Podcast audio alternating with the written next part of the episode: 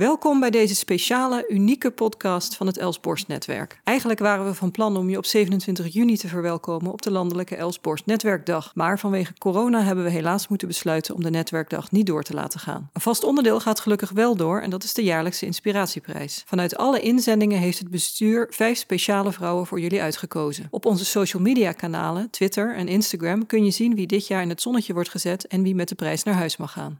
Als alternatief voor de Netwerkdag hebben we deze eenmalige Elsborst Netwerk podcast voor je gemaakt. Mijn naam is Susanne Herman en ik neem je graag mee in het thema leiderschap.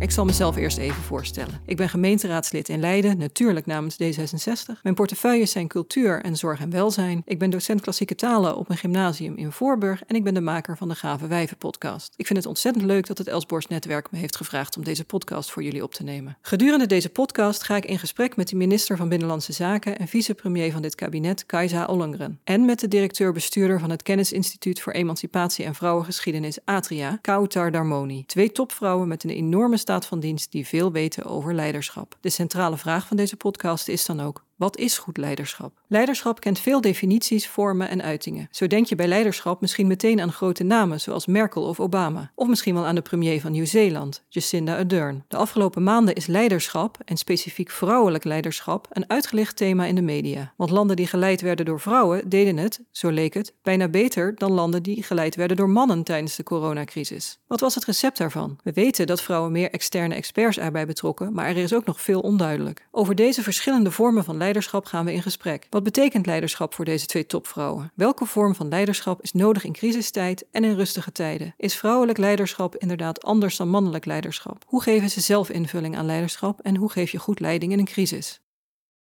We beginnen met onze eerste gast, de minister van Binnenlandse Zaken en de vicepremier Kajsa Ollongren. Welkom, fijn dat je tijd voor ons hebt vrijgemaakt. Met plezier. Heel fijn. Je bent er even tussenuit geweest. Hoe gaat het nu met je? Nou, is echt een stuk beter. Ik ben er inderdaad uiteindelijk natuurlijk veel langer uit geweest dan ik uh, had gehoopt. Uh, maar ja, er was ook wel echt wat aan de hand met, uh, met mijn gezondheid. Ik ben nu gewoon weer vol bezig. minister, vicepremier, volle agenda. En dat gaat gelukkig goed. Dus daar ben ik heel erg blij mee. Hoe was het om terug te keren, in, in, juist in deze tijd? Ja, dat was natuurlijk heel raar. Ik was van plan eigenlijk terug te keren net toen corona eigenlijk begon, begin maart. Toen moest ik dat uitstellen, ook vanwege nou, gezondheidsrisico's. en toen ik terugkwam, toen zat ik dus de hele dag ineens achter zo'n schermpje met een heleboel mensen in een, in een digitale vergadering. Ja. En dat was enorm wennen. Vanuit huis werken. en, en vooral bezig natuurlijk met corona en de coronacrisis. Maar tegelijkertijd, ik was ook wel weer heel dankbaar dat ik daar ook weer mijn bijdrage aan kon leveren. Het was meer dan genoeg werk. Omdat ik de andere, de collega's weer een beetje ontlasten. Dus voelde me ook wel weer nuttig. Dus dat was fijn. We gaan het vandaag hebben over leiderschap. En dan uh, natuurlijk vooral over vrouwelijk leiderschap. Althans, in elk geval leiderschap door vrouwen. Ja. Uh, als jij aan leiderschap denkt, hoe zou jij dat dan uh, definiëren? ja, ik, ik denk dat een, een, een goede leider die heeft lef. maar dat lef bestaat dan wel uit verschillende onderdelen. Niet alleen maar lef om dingen te doen, maar ook het lef om te luisteren. Om toe te geven dat je nooit zelf alles weet. Niet de waarheid in pacht hebt. en dan vervolgens op basis daarvan te zeggen alles afwegende gaan we het zo doen. Dus voor, mij, voor mij is leiderschap is ook, eh, ook wel die, die durf hebben. Dus eh, durf om dingen te doen, maar durf ook om je wat kwetsbaarder op te stellen. Denk je dat, het, dat uh, andere mensen een heel andere definitie van leiderschap zullen hebben? Nou, van sommige mensen weet ik het zeker. Als je kijkt naar de uh, wereldleiders van dit moment, denk ik dat de Trumps van deze wereld een andere definitie hebben van leiderschap. maar ik vind dat echt, en dat is toch wel echt iets wat ik ook door de jaren heen heb geleerd. als je niet goed luistert, als je niet uh, ja, je, je verdiept in voor's en tegens en allerlei verschillende meningen toelaat, dan kan je nooit een goede leider zijn. Vanaf welke leeftijd ben jij je bewust geworden van het principe van leiderschap of het fenomeen van leiderschap? Ja, dat weet ik eigenlijk niet. Ik denk dat het toch iets is wat je gaandeweg zo'n beetje uh, ontdekt. En, en waar je ook steeds in, in leert en blijft leren. Ik leer daar iedere dag nog in bij. Dus ik, ik denk dat het iets is wat, uh, wat continu in ontwikkeling is en, en blijft. De eerste keer dat je je bewust wordt van leiderschap ben je zelf niet de leider, maar ben je degene die aan de ontvangende kant staat van leiderschap. Kon je daar uh, altijd goed mee omgaan met andermans leiderschap? Nou ja, dat is eerlijk gezegd toch heel erg uh, wisselend. Uh, ik heb wel gemerkt dat ik wel zelf ook het idee had dat, dat ik zelf de verantwoordelijkheid wilde nemen voor bepaalde dingen. Dat heeft natuurlijk ook mee te maken dat je, ja, dat je denkt dat dat, dat, dat, dat, dat goed zou zijn, hè? dat het een bijdrage levert aan iets. Kijk, leiderschap heb je natuurlijk leiderschap wat heel dicht bij je is, gewoon in je, in je werkomgeving. Je hebt ook leiderschap wat zeker als je aan het begin van je loopbaan staat, heel ver weg is. Hè? Ik bedoel, toen ik begon, wie was er toen premier? Kok. Ja, dat was voor mij heel ver weg. maar toch vind je er natuurlijk iets van. Dus ja, de leiderschap maak je op allerlei manieren mee. Zou je een, een persoonlijk voorbeeld kunnen noemen op het gebied van leiderschap? Iemand van wie jij denkt, dat spreekt me echt heel erg aan. Of juist iemand van wie je zegt, nou zo, sowieso nooit. Ja, die had ik al genoemd, geloof ik net. Ja. nou ja, kijk, mijn, mijn echt grote voorbeeld is Angela Merkel. Ja, dat is misschien niet een heel verrassend voorbeeld. Maar ik vind het ongelooflijk knap hoe lang zij al eh, de bondskanselier is in uh, Duitsland.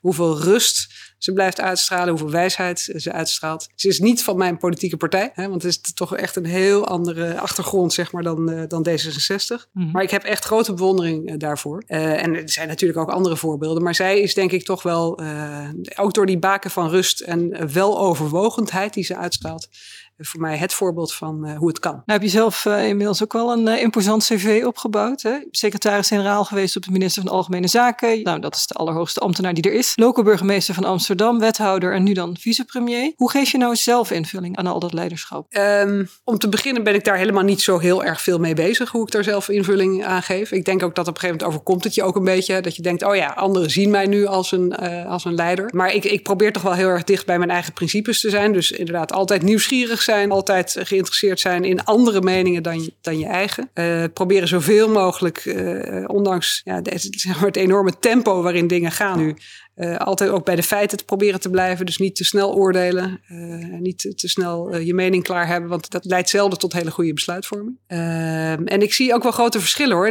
Een beetje afhankelijk van in welke omgeving je werkt. En ik heb toch wel veel verschillende dingen gedaan. Ik zie ook echt wel een verschil tussen zeg maar, de ambtelijke functies die ik heb gehad in leidinggevende posities. En daarna als wethouder, local burgemeester en nu in het kabinet. dus daar, dat is ook een beetje situatieafhankelijk. Wat, wat zijn die verschillen? Nou, ik vind in de, in de politiek zie je toch wel wat meer, uh, zeg maar, macho uh, gedrag. Hè? Dus uh, in de ambtelijke functies die ik heb gehad, uiteindelijk vond ik daar, hoewel er vaak meer mannen dan vrouwen waren, was er een soort van basis van gelijkheid. Mm -hmm. respect en gewoon, ja, het ging meer om je functie dan om wie je was. Hè? in de politiek denk ik dat je toch veel meer uh, daar gaat het natuurlijk ook tot op zekere hoogte ook om, om zichtbaarheid, om scoringsdrift. Uh, om, hè, dus dat, dat leidt blijkbaar een beetje tot dat uh, op de borst geroffel gedrag. Wat je toch veel ziet. Ja, ik vind dat bij D66 niet. Ik moet, wij zijn natuurlijk ook met meer vrouwen dan mannen in ons kabinet Smaldeel. Ja.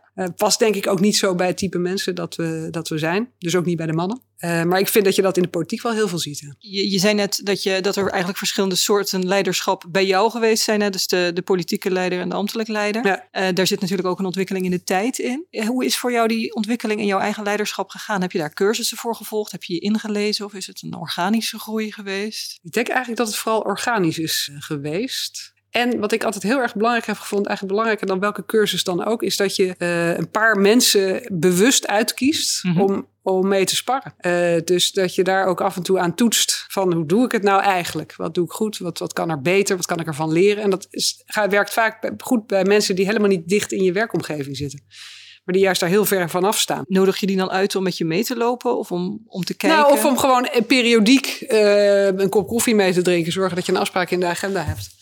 Uh, en om gewoon om eigenlijk jezelf een spiegel uh, voor te houden. Kies je daar dan mannen voor of vrouwen? Uh, nou, daar heb ik zo, beide.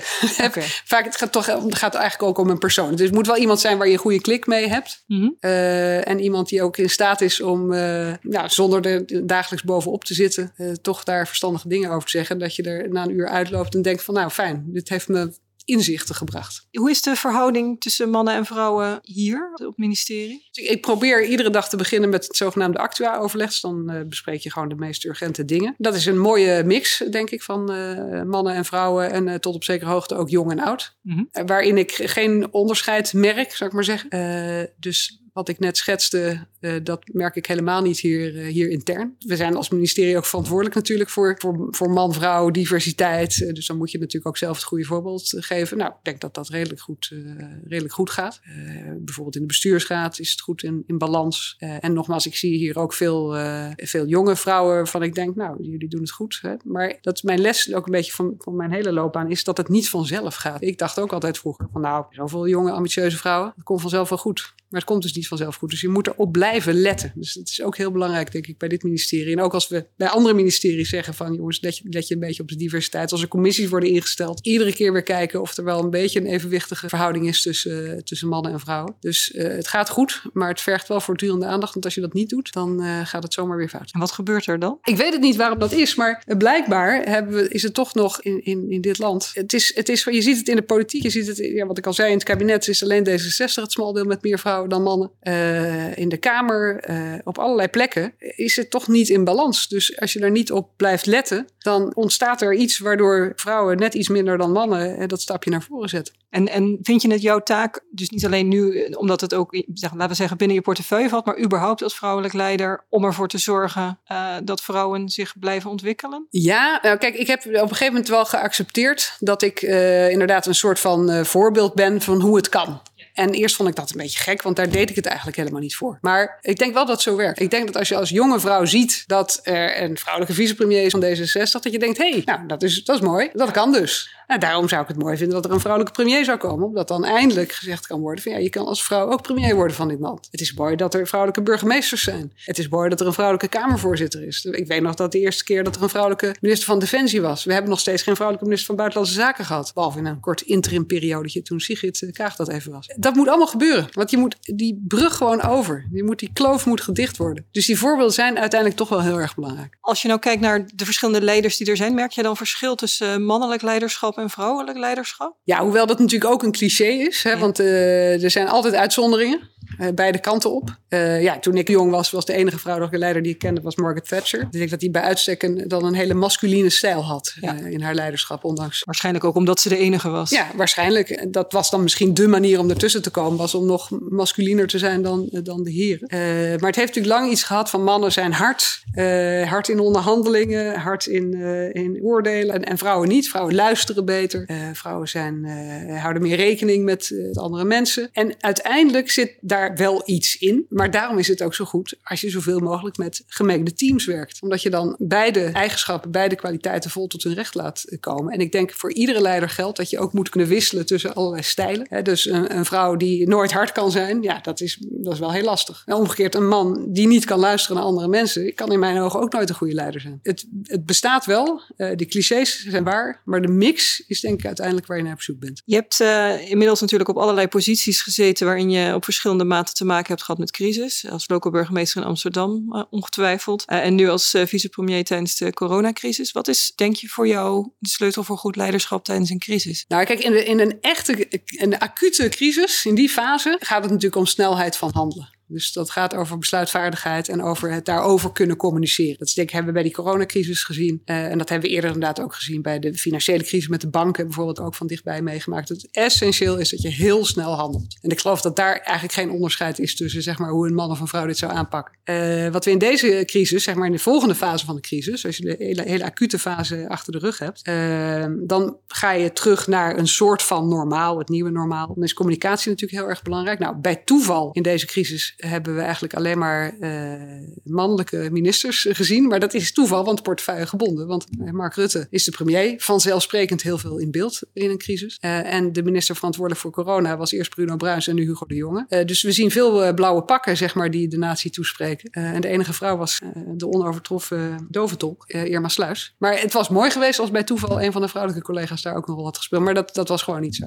maar goed, iedereen doet gewoon zijn, zijn werk. En nu wordt het steeds meer, ja, zoals daarvoor. Uh, mm-hmm. Wat aandacht ook voor de effecten van uh, corona. En uh, nou, dan zullen de andere ministers ook weer wat meer in beeld komen. Je ziet veel aandacht nu voor vrouwelijk leiderschap tijdens de crisis. Hè, van die, die memes over dat het wel heel toevallig is dat al die landen met vrouwelijke premiers dat die het veel beter doen met betrekking tot corona dan de, de landen die door mannen geleid worden. waarom denk je dat er nu ineens zoveel aandacht voor is? Ja, dat vind ik best wel moeilijk te zeggen. Ik weet ook niet of het helemaal rondloopt. Nederland heeft natuurlijk ook niet zo slecht gedaan Uh, ondanks, de twee heren die ik net noemde. Nee hoor, Nederland heeft het echt goed gedaan. Dus ik weet, ik weet niet of het waar is. Ik, ik, uh, ik vind het, het is altijd goed als er aandacht is voor vrouwelijk leiderschap. Dus bij crisis wordt het natuurlijk vaak gezegd. Er werd bij de financiële crisis ook uh, gezegd. Dat het anders had kunnen zijn als er allemaal vrouwelijke bazen van de banken waren geweest. Maar we kunnen het niet bewijzen. Nieuw-Zeeland is natuurlijk een, een, lichtend voorbeeld. Dat snap ik. En dat vind ik ook terecht. En ik vind dat zij het ook heel erg, heel erg goed doet. Um, maar ja, ja, wat moet nou de les daarvan zijn? Ja, ik, ja, het belangrijkste is denk ik toch voor, voor Nederland. Wat kunnen we als Nederland er nou van leren? Is er toch iets wat we niet goed doen? Waardoor er te weinig vrouwen op dit soort posities eh, komen. Uh, dat is in de politiek, maar dat is in het bedrijfsleven natuurlijk precies hetzelfde. Dat is in de media, is dat eigenlijk ook. Er is blijkbaar iets wat vrouwen ervan weerhoudt om dat laatste stapje echt door te drukken en ook te zetten. Uh, en ik zou heel graag willen dat dat niet zo, uh, niet zo was. Nou, misschien hebben sommige vrouwen er gewoon niet voor over. Dat zou ook, ook kunnen. En dat is ook legitiem. Wel jammer. Uh, wel jammer. en dan moet je je ook afvragen. Wat is dat dan? Waarom is het zo onaantrekkelijk om, om, om, dat, om daar doorheen te proberen te breken? Is dat de, de, hardheid van het debat?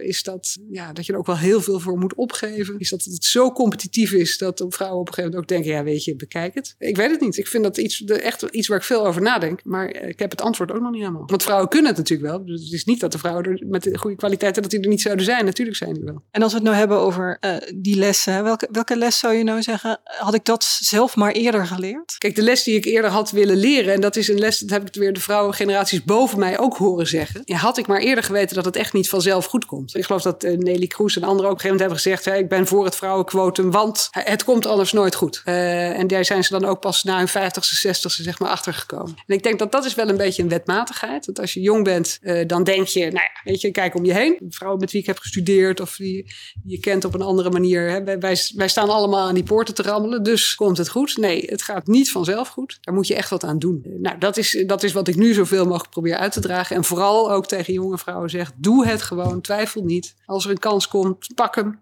Durf daarvoor te kiezen. Ja, ik heb dat wel altijd gedaan, maar ik heb toch in de loop der jaren ook veel vrouwen gezien die dat niet hebben kunnen doen, om wat voor reden dan ook. En, en daardoor uh, zijn we gewoon nog niet ver genoeg. We zijn nu in 2020. Dankjewel, dit zijn uh, inspirerende woorden om mee te eindigen. We staan natuurlijk aan de vooravond van de aanmeldingen voor lijsten, voor Tweede Kamer, voor gemeenteraadsverkiezingen. Dus uh, Precies. het is fijn dat, dat je de dames nog even oproept om de kansen te pakken. Ja, absoluut. Nou, aan D66 zal het sowieso niet liggen. Ontzettend bedankt voor je tijd. Heel graag gedaan. Dankjewel.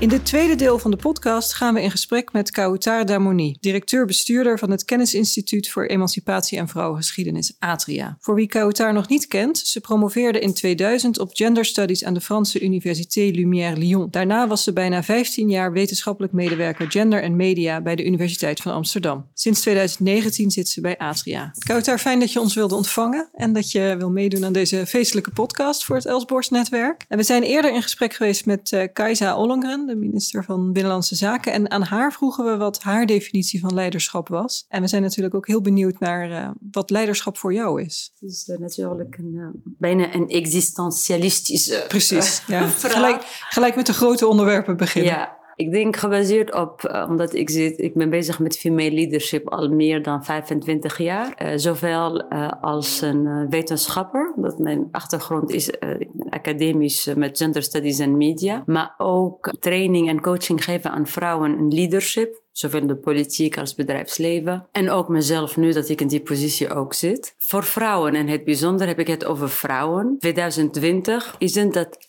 eindelijk je mag je eigen draai geven aan dat leadership. Dat is niet dat copycat van dat uh, klassieke uh, masculine style, die trouwens niet per se gebaseerd op een, een, een verheffende masculine versie van uh, leadership. En dat vrouwen hun eigen draai kunnen vinden. Ik bedoel, er zijn sommige kwaliteiten dat je moet sowieso hebben als je bezig met leadership. Dat is dat je echt, je hebt een mission, je hebt een visie die gebaseerd is op waarden. Uh, dat je, je innovatief, lef, uh, doelgericht, knopen kunnen haken. dus decisief. Dus allemaal, dat is belangrijk. En hier komt de leadership van de 21ste eeuw, waar denk ik de vrouwen kunnen ook hun eigen twist aangeven, zodat zij ook de mannen helpen om een andere manier van leadership ook te hanteren. En dat gaat ook over emotionele intelligentie, het gaat over connectivity, het gaat over togetherness, het gaat over compromis, het gaat over bewustzijn, het gaat over uh,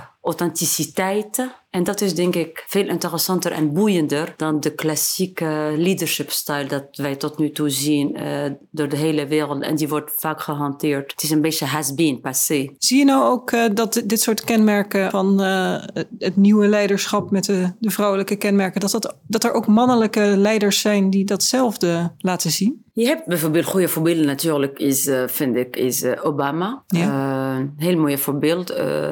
Justin Trudeau in Canada. Op zijn manier ook, ondanks dat wij ze noemen hem Jupiter uh, Macron. Macron is heel erg bezig met genderbeleid. En ook alleen maar het feit, het is in de Franse media in principe, het was belachelijk gemaakt. Wat hij een vrouw heeft die 25 jaar ouder is dan hem. En hij helemaal niet in dat klassieke, wat wij noemen gender studies, hegemonic masculinity. He hegemonische masculiniteit van stoer en de sexy en succesvol en hard en. Zakelijk. En zakelijk zakelijk helemaal niet. Nee. Ook over kwetsbaarheid, over uh, verbinding, over uh, togetherness, over compromis, over uh, eigenlijk polderen. Maar ze noemen hem toch Jupiter? Mm -hmm. Pourquoi? Omdat hij onder andere aantrekkelijk is. Zeker. Dus heeft erotic capital. Dus het heeft te maken met wat men noemt soort van niet schoonheid van een sens van schoon, maar gewoon aantrekkelijk, charisma, appeal, humor, physical fitness, liveliness, social presentation, uh, dus daar heeft, dat heeft hij wel. Mm -hmm. Dus dat is ook heel aantrekkelijk. He seduces het Franse volk, maar hij is ook uh, visionair. Hè? En hij wou gewoon, hij durfde ook de Franse maatschappij hervormen. En dan uh, beslissingen nemen waar het pijn doet. Maar hij heeft ook een heel duidelijke soort van vrouwelijke visie ook met zijn genderbeleid en de Franse maatschappij. Waaraan zou je zeggen dat je goed leiderschap herkent? Authenticiteit. Dat, dat ook ik ga terug naar de vrouwen, dat je echt als vrouw durft jezelf te kunnen zijn en te laten zien ook. En dat je dat gebruikt voor the higher purpose, to serve, letterlijk. Niet vanuit egocentrisme of exhibitionisme of uh, berekenende iets, omdat het volk wil ook zien uh,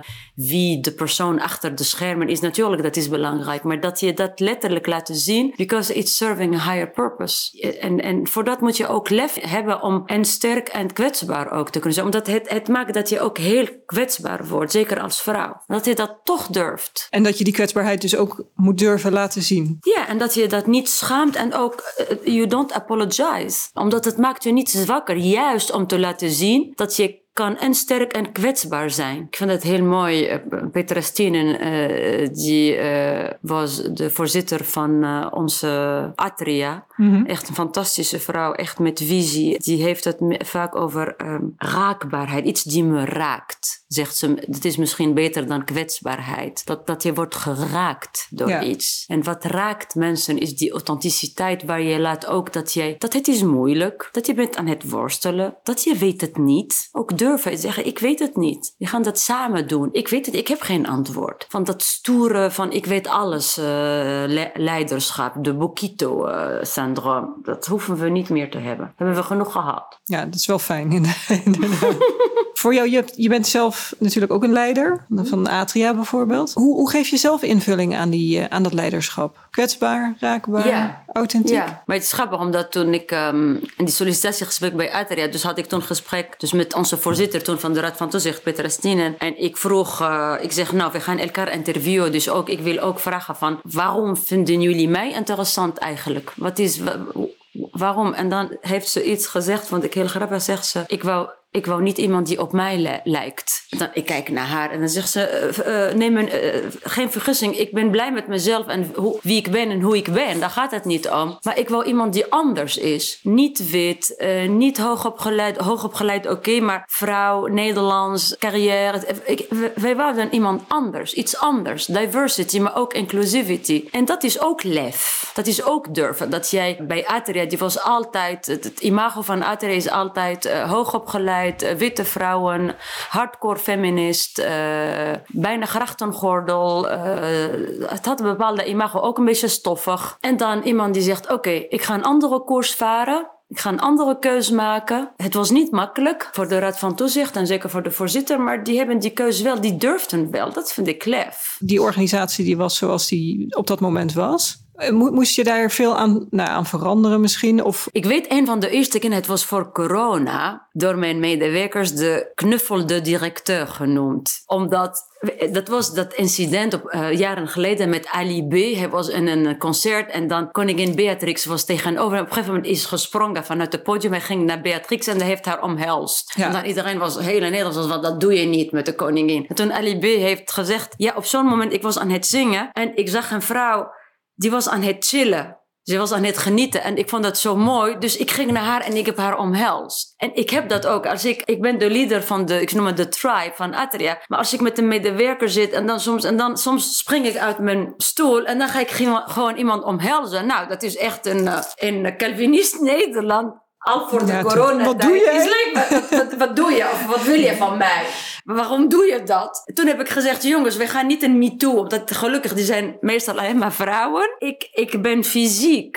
En waar ik vandaan kom, je komt uit Afrika en uit Tunesië. Mensen zijn ook fysiek met elkaar, zeker vrouwen onder elkaar. Dus je omhelst mensen ook. Dus dat was echt een totaal nieuwe ding. En op een gegeven moment ik zeg, zullen we ook beginnen af en toe elkaar ook een beetje omhelzen? Of het is nu met de corona helaas niet meer het geval. Maar dat wij ook dit soort van, klinkt heel gek intimiteit ook onder elkaar creëren. Het maakt dat je ook veilig voelt. En zeker vrouwen onder elkaar, dat sisterhood. En dat vond ik ook mooi aan uh, mensen die hebben letterlijk in een andere culturen gewoond en gewerkt. Bijvoorbeeld in Arabische cultuur. Je leert ook andere praktijken, andere manier van zijn, die ook kan ook verrijkend voor jou zijn. Omdat het is altijd the other way around. In de terms van leadership, mensen zoals ik, die komen uit Afrika en Arabische landen en derde wereld en weet ik veel wat. Het is allemaal ellende bij ons. En dan hebben we ook heel veel geleerd van een westerse wereld, westerse vrouwen, westerse manier van doen. Maar ik denk, we kunnen ook een verrijking zijn ook voor jou. We kunnen jouw cultuur ook verrijken. We kunnen jou ook andere dingen laten zien en ervaren die jou ook beter maakt. En dat, dat we dat ook beter maken voor elkaar. Het gaat over wij, dat we kunnen elkaar ook verrijken. Ik heb ook iets te bieden, niet alleen iets te nemen van jou. En ik denk, voor dat moet je ook uh, leaders hebben die visionair zijn, die jouw potentieel ook zien, jouw kracht ook zien. En niet alleen jouw zwakte. En om terug te gaan naar Petra Stien, toen ik vroeg aan haar, oké, omdat ze heeft ook als diplomaat heel lang gewerkt in Arabische landen en ze spreekt ook Arabisch en ze kent de cultuur heel goed. En dan ze zei tegen mij op een gegeven moment, iets wat ik geleerd heb van Arabische vrouwen, is je kan ontzettend zakelijk en in leadership zijn, maar toch vrouwelijk. Zij geven nooit hun vrouwelijkheid op. Ze zijn trots op vrouw zijn,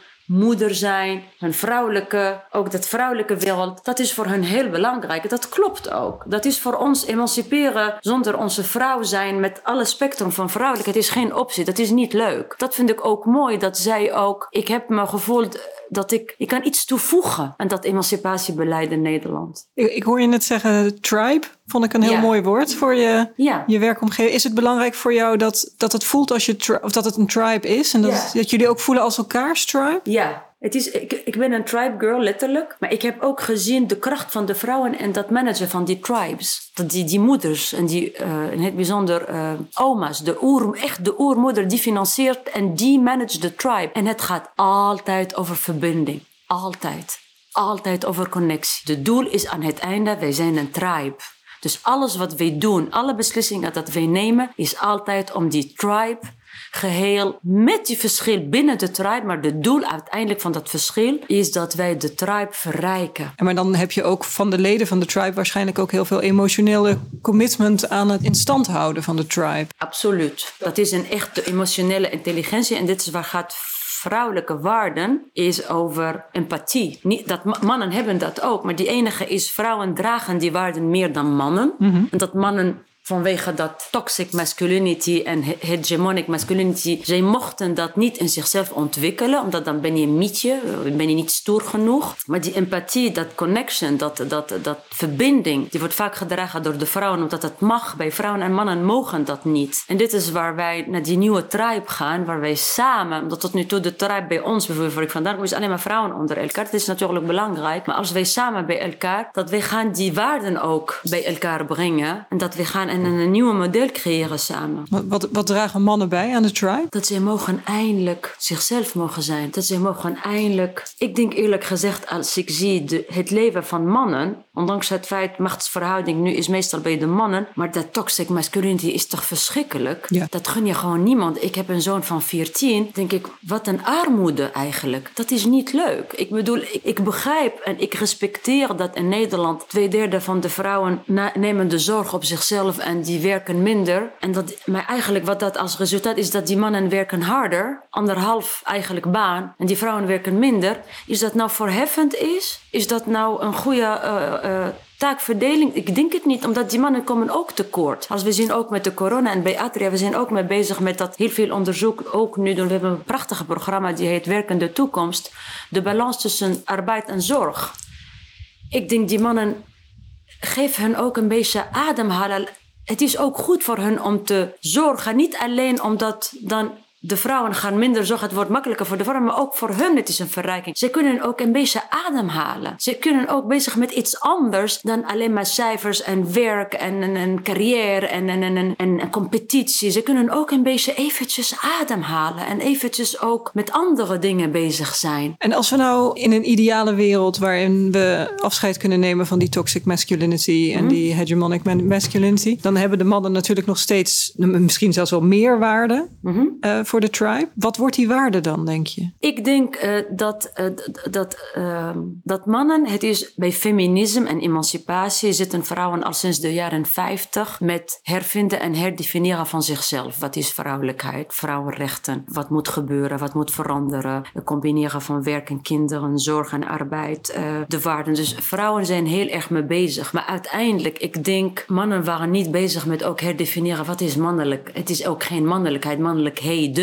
Het is ook tot nu toe, in het bijzonder bij westerse feminisme, ook in Nederland, mannelijke zaken of de emancipatie van de man is een soort van een verlengstuk van vrouwen, van een vrouwelijke feminisme. Ik denk het is hoge tijd nu, en dat wij, zijn we ook mee bezig nu bij Atria, geven mannen een podium, zodat ze kunnen ook zichzelf uitvinden en hervinden en hun mannelijkheden, omdat er is geen één mannelijkheid, zoals ook er is geen vrouwelijkheid. Die mannelijkheden en vrouwelijkheden, geef, geef mannen ook een podium en laat hen aan het woord. Ik bedoel, ik begrijp nu dat we hebben ook vorm van democratie, die, maar die eigenlijk vind ik jammer, omdat het is verlengstuk van de toxic masculinity. Dan denk ik, ik mis een hernieuwende, verfrisse versie. En dan vind ik ook bijvoorbeeld bij D66. En Rob Jetten vind ik een heel mooi voorbeeld van iemand op dit moment die echt met high potential is. Prachtig. Die aan de zijkant letterlijk opzij gaat voor Sigrid Kaag. Dat vind ik klasse. Dat vind ik echt, dat is echt klasse. Dat is echt een man walks the talk. Dat is high potential. Mooie voorbeeld ook van New leadership vind ik ook een heel mooie mix van vrouwelijke en mannelijke kwaliteiten. Van,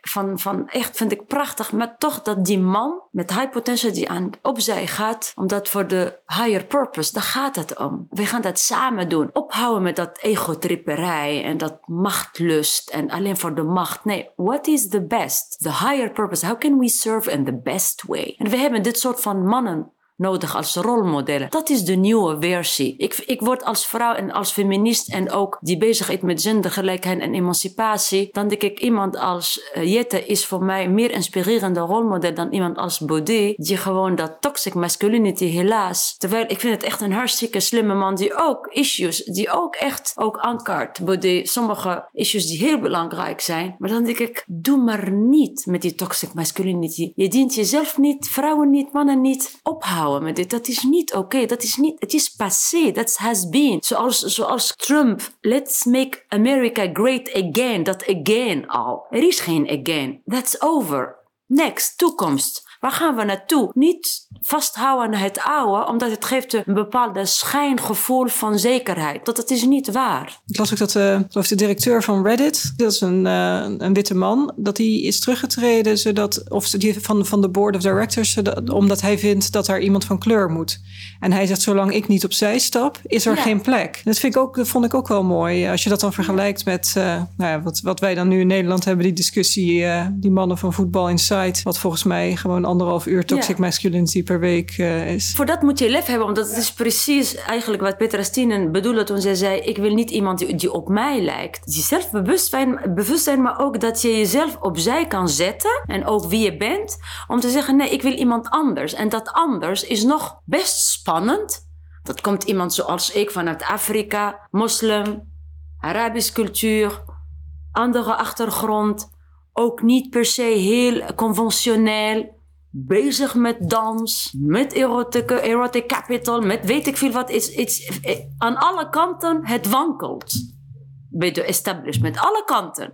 Maar toch dat iemand visionair is en die zegt dat hebben we nodig, omdat we willen innoveren. En dan, ik ga die risico nemen, omdat die mensen weten wat ze doen. Ze zijn niet dom bezig. Ze, echt, ze hebben heel goed nagedacht wat nodig is. Ze hebben heel goede strategisch ook nagedacht. En die zijn inclusief en die ook, en iets anders ook, die hebben een um, universele blik. Dat ze hebben ook heel goed gekeken in andere culturen, andere maatschappijen, andere landen, maar overal. In Europa, buiten Europa, in Afrika, in Arabische landen. Die hebben hun huiswerk goed gedaan. Ze hebben heel goed analyse gemaakt met alle risicomanagement dat je kan echt bedenken, dan kwamen ze met zo'n conclusie. Het is niet alleen maar nice to have. We moeten een beetje een kleurtje hebben daar. Nee, ze, ze werken heel hard achter de schermen om de beste keuze te maken. Omdat ze weten, iedereen kijkt naar hun. En iedereen wacht dat zij een misstap doen. Dus ze, ze zetten zichzelf ook, ook op een heel kwetsbare positie. En ze mogen geen fouten maken. Ze hebben het niet makkelijk. Nee, maar ze zetten jou daarmee wel, denk ik, op een heel krachtige positie. Omdat je weet dat de reden dat ze voor jou kiezen, mhm. is dat jij uh, wat jij allemaal meebrengt. In plaats van dat je, omdat het is ook goed dat je dat dan gevraagd hebt van waarom willen jullie mij? Want anders dan ga je misschien denken, nou ze nemen mij, want dan kunnen ze een vinkje zetten van nou de diversiteit is geregeld en nu moet ik me gaan gedragen als een witte vrouw, want iedereen is hier witte vrouw en, uh, en ik moet even normaal gaan doen voor zover er een normaal is. Maar dat hoeft dus helemaal juist niet. Nee, maar ik heb ook gezegd als je mij uh, neemt, dan neem je ook een risico omdat ik ben niet politiek correct. Ik doe niet establishment. Ik heb een andere versie. Ik heb het letterlijk over erotic capital onder andere. Dat is ook een Calvinist Nederland is echt een heel zeker en female leadership echt een soort van oh wat moeten we van wat is dit nou? Ze zetten, ze zetten mij op een krachtige positie, maar ze zetten zichzelf ook in een kwetsbare positie. Dat ze hebben het ook niet makkelijk als ze die keuze maken. Ze krijgen ook heel veel shit om zich heen. Maar zij blijven staan omdat en hier kom ik terug naar dat leadership met een visie. Je hebt een visie en moet je lef hebben om no matter what dat je gaat die route wandelen. Je gaat niet afwijken. Echt niet. No matter what. En daarvoor dat, het is niet makkelijk. We hadden het uh, net ook al heel even over, over Trump. Als je nou even kijkt naar de internationale politiek, dan zien we natuurlijk uh, behalve Trump ook uh, een groot voorbeeld Jacinda Ardern. Eigenlijk worden ze de hele tijd ook tegen elkaar afgezet voor ja. hoe ze omgingen met, de met de coronacrisis en zo. Zijn dat voor jou ook echt twee, twee extremen op het, op het spectrum? Het zijn twee extremen, maar ook wat ik zie, ook als ik zie um, wat gebeurt nu, omdat het schijnt dat de beste landen die met corona uh, omgingen, toevallig zijn landen die hebben een vrouwelijke leider. Is dat toevallig, denk ja, je? Dit is wat men wil nadenken, but I don't think it's toevallig. Maar dit is precies vrouwen die ook een heel duidelijke positie nemen van vrouwelijke en mannelijke waarden samen. Die, die zijn heel helder daarin. Daarom ook vanuit Atria ook. We hebben heel hard ook gepleit voor een quotum voor de bevordering van het aantal vrouwen in, um, in de raden van commissarissen en ook uh, van uh, onder andere beursgenoteerde bedrijven. Het is heel belangrijk. En we hebben ook vanuit een Atria een benchmark ontwikkeld. En we zijn heel blij dat nu dus die quotum, dus nou, we moeten dat implementeren. Maar waarom? Maar wat is heel belangrijk ook, omdat we weten ook vanuit onderzoeken dat die beursgenoteerde bedrijven, waar we hebben gezegd, je moet in terms van diversity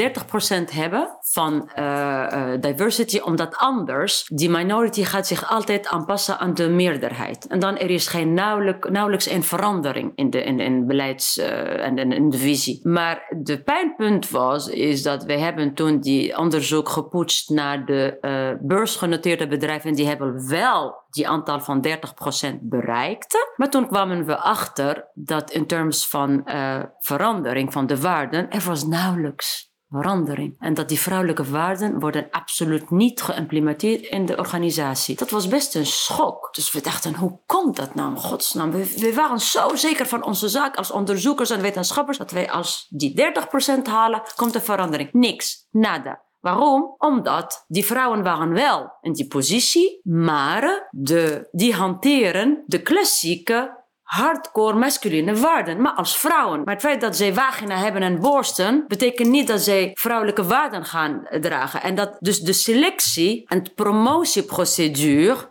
zijn precies hetzelfde gebleven.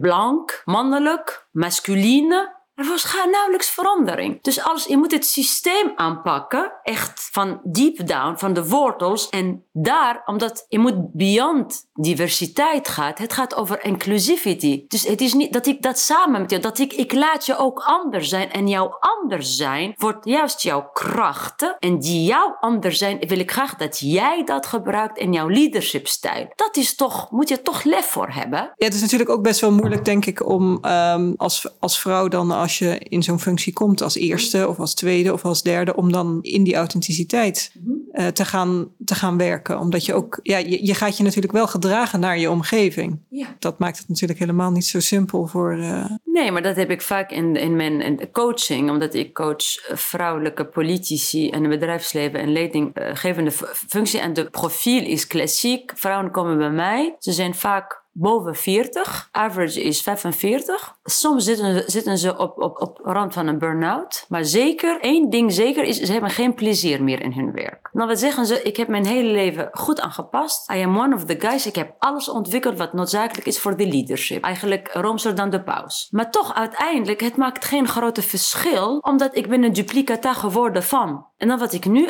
eigenlijk wil, ik wil eigenlijk... Ah, mezelf kunnen zijn. Ik wil, ik wil authentiek zijn. Ik wil een verschil maken. Ik wil mijn vrouwelijke kwaliteit en mijn vrouw zijn ook mag zijn. En dit is, hier komt het trieste verhaal, maar ik weet niet meer hoe. Dan, weet je, dan, moet je, dan moet je wel weten waar die is, die authenticiteit. ik weet niet meer hoe. Ik zit zo lang in die keurslijf. Dat is een deel van mijn identiteit geworden. En ik weet dus, de eerste wat wij beginnen, nu gebruik ik dat dans, oudste vrouwelijk ritueel der wereld. Ik zeg, we gaan terug naar het lichaam, naar jouw vrouwelijk lichaam. Dus die lichaam moet ook nu beginnen met voelen, met, met, met, met emoties. Met, met, met, daar zit het, jou, in, in jouw kop is het hartstikke perfect. Dat heb je ontwikkeld. Intellectual capital, geen probleem. Political capital, geen probleem. Maar dat hele body capital, uh, levensvreugde, passie, emotie, durven, lef, courage, dat allemaal, niet de rationele kant, maar de emotionele, lichamelijke kant, die is helemaal zoek. Daar gaan we beginnen. Ja, je hebt ook in dat interview in de Volkskrant, dat was uh, nogal spraakmakend, had je het ook over die, uh, die seksuele energie, ja. die we als vrouwen dan kunnen omzetten tot creatieve kracht. Hoe verhoudt zich dat tot leiderschap voor jouw gevoel? Dat is zo'n taboe, omdat het vrouwelijke lichaam, we zitten in de patriarchale cultuur al meer dan 4000 jaar. Patriarchale cultuur, een van de toxic aspecten ervan is dat in het algemeen, die wordt echt zo twisted en oppressed en suppressed en gemanipuleerd. En zeker ook met patriarchale interpretatie van de christelijk geloof en oppressing van seksuele energie. En toen kwam de cultuur van pornification, noemen we dat in gender studies, en sexualization. Dus dat maakt dat vrouwen, vrouwen worden zo door de eeuwen heen verkracht, gemanipuleerd, gestraft, gekleineerd, van, noem maar op, vanwege hun seksuele energie. Ze vroegen niet erom, maar dat was een probleem. Dus vrouwen hebben geleerd, ik moet me zoveel mogelijk distancieren van die seksuele energie, omdat het is alleen maar bron van ellende en pijn. Sexual violence. Rape, harassment, noem maar op. We zitten nu MeToo 2020. Hè? Dus ze hebben afstand genomen van dat hele lichamelijkheid, seksualiteit, omdat het is alleen maar ellende. Maar wat je doet is letterlijk, je ontwoordt het jezelf van dat oorkracht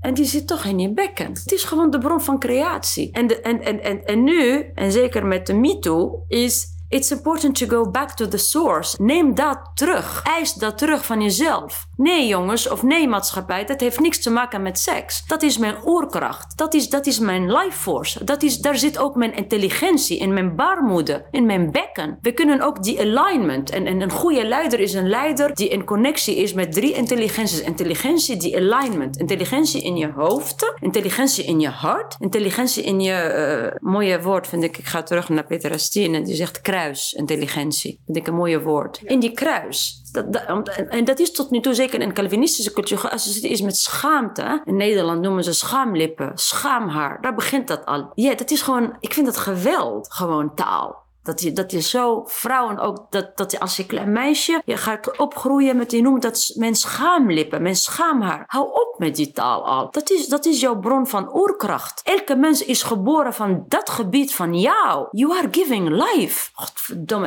Het is, het is, sorry, maar het is op You are creation of life. Ik vind het zo vernederend dat het zo wordt gesproken over het vrouwelijk lichaam. En ik denk wat seksualiteit, het is belangrijk dat wij naar dat gebied van onze lijf gaan zonder angst. En dat vrouwen daar kunnen gaan zonder dat zij bang zijn om verkracht te worden of om harassed te worden, omdat zij in contact zijn met die bron van life force en van passie. En heb ik daar twee vragen over. Eigenlijk één vraag voor twee doelgroepen. Dus er zijn natuurlijk hopelijk ongetwijfeld heel veel vrouwen die naar deze podcast gaan luisteren, die denken: oké, je hebt gelijk. Wat kan ik nu doen? Dat is mijn eerste vraag. En de tweede vraag is: sommige van die vrouwen die dit horen, die hebben dochters. Wat, wat kunnen zij doen voor hun dochters? Ik heb jarenlang, uh, dat naast mijn academische en uh, ook uh, entrepreneur-onderneming activiteiten, natuurlijk geef ik ook les, dansles. Dus het heet in het Arabisch Raqs het dans van de godinnen, het oudste vrouwelijk ritueel ter wereld, bijna 4000 jaar oud. En ik gebruik dat ook in leadership om vrouwen te trainen, maar ook onder anderen, toen ik naar Nederland kwam, ik organiseerde ook regelmatig workshops voor moeders en dochters. En terwijl mijn volwassenen workshops waren echt bomvol met een wachtlijst,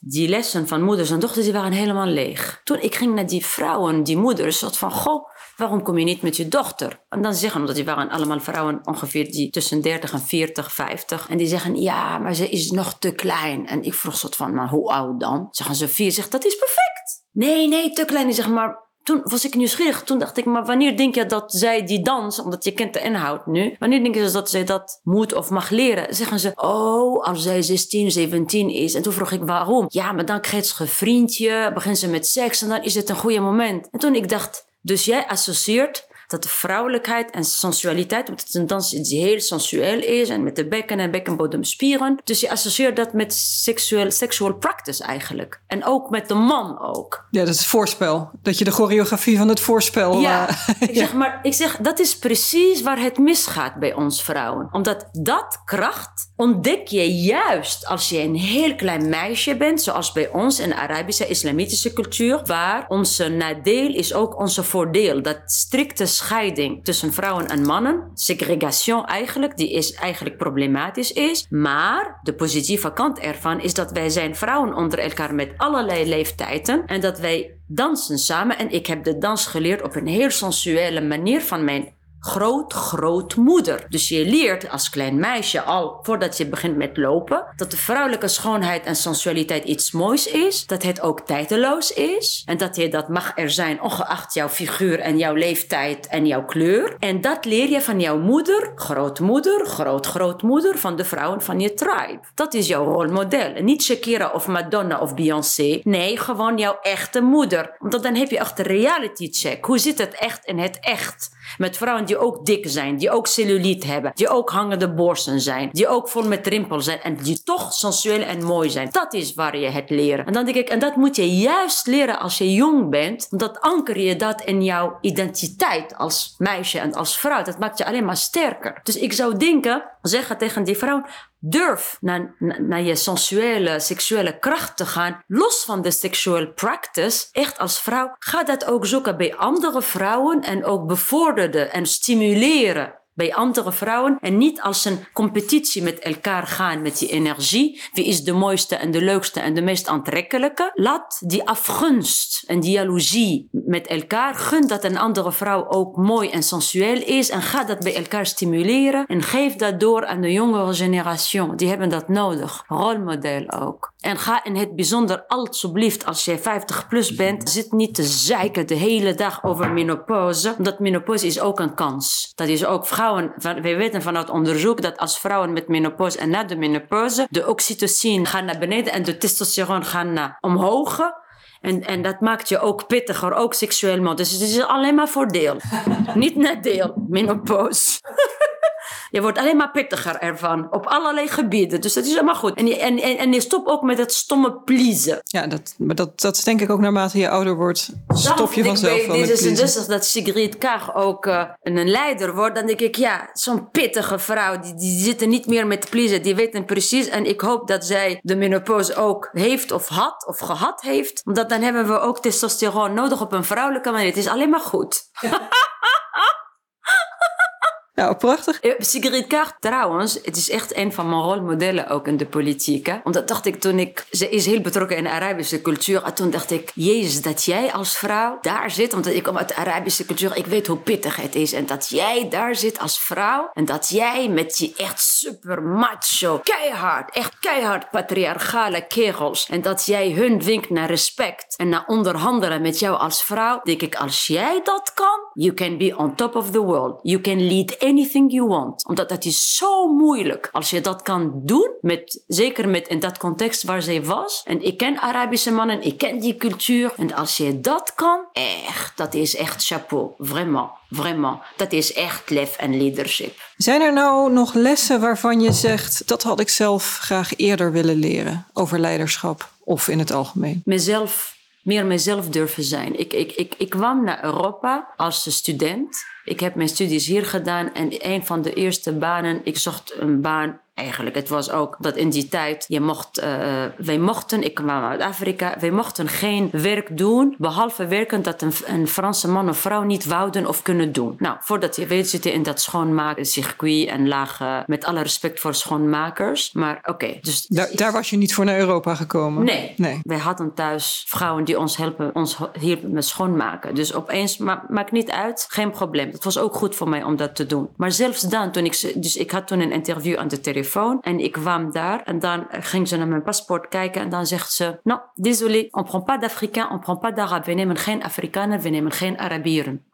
Dus opeens, ik was echt een shock. Ik was echt sprakeloos, omdat ik opeens ontdek ik dat het een probleem is dat ik een, vanuit Afrika kom en vanuit de Arabische cultuur. En dan is het is alsof ik zeg tegen jou, nou, we nemen jou in, niet in deze, je hebt groene ogen. Dus dan zit je soort van, I am highly qualified for the job anyway. En ik weet dat is, ik had echt, ik weet niet hoe, maar vanuit echt vanuit mijn bekken, vanuit mijn vagina, letterlijk kwam die woede naar boven, echt woede. En ik kijk naar haar en ik zeg, c'est dommage pour vous, parce que je suis hautement qualifié. Het is een zonde voor jou, because I am highly qualified. It's like basically fuck you. Stomme trut, weet je, waar heb je het over? Ik ging dat niet internaliseren. Dat was mijn redding. Maar toch toch? Het heeft me getraumatiseerd. Dus mijn hele leven, ik heb in Nederland gewoond en toen was ik in, Frankrijk toen en toen dacht ik, oké, dit wordt nooit mijn land. Vanwege dat racisme. Ik dacht, ik kan wel, omdat ik heb gestudeerd aan de Sorbonne. Ik kan wel in de beste universiteit van Frankrijk. Ik kan wel uh, brilliant zijn. Ik ben slim, ik heb alles. Dit wordt het niet. Omdat je suis africain en je suis arabe. Vergeet het. Dus ik ging naar Amerika. Nou, Amerika, iedereen komt van ergens anders. Dus dan zijn we gewoon equal, toch? Ja. Nou, daar is, dan wordt opeens, word ik in dat halve zwarte hoek geduwd. Omdat ik ben ook, mijn, mijn vader is donker, zwart. Mijn moeder is wit in Tunesië. En toen opeens word ik zwart. Dus met de zwarten moest ik. Of moet ik met uh, Latino. Dus, maar ik moest een raciale kamp kiezen.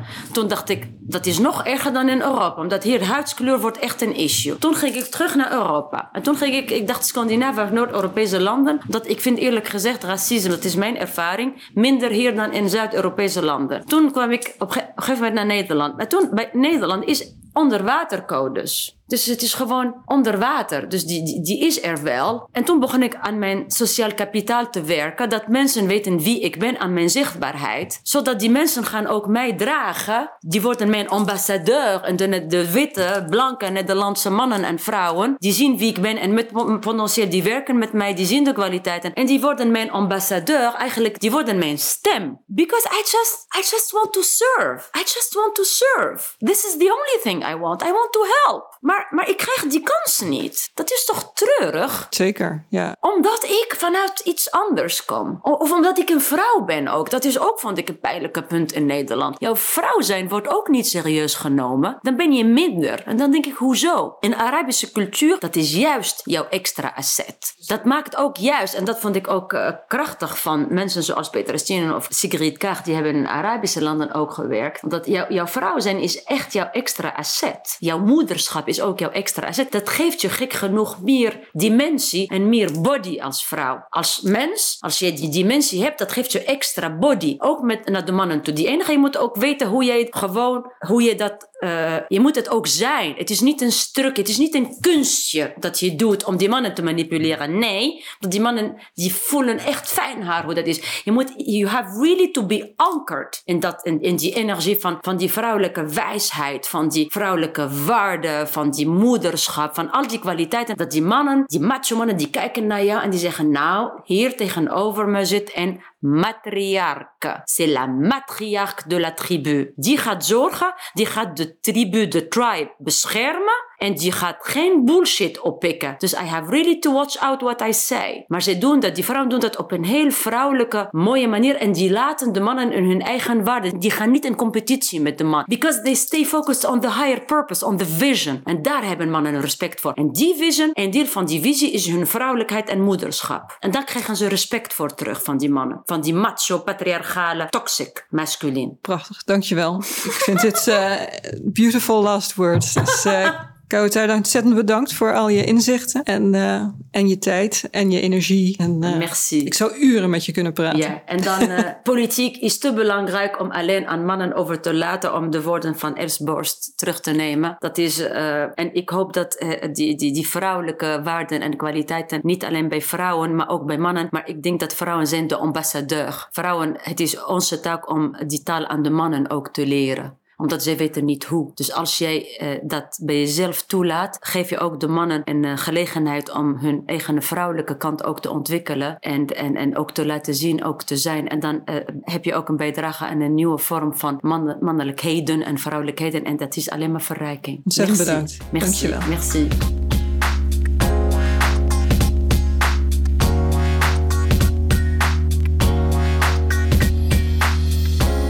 Dit was de eenmalige podcast van het Elsborst Netwerk. Het belooft een vol en spannend jaar te worden met Tweede Kamerverkiezingen. Weet dat je het Elsborst Netwerk altijd kunt bereiken met al je vragen en opmerkingen. We willen natuurlijk veel meer voorbeelden van vrouwelijk leiderschap zien in Nederland. Heel erg bedankt voor het luisteren en hopelijk zien we je snel weer in het echt.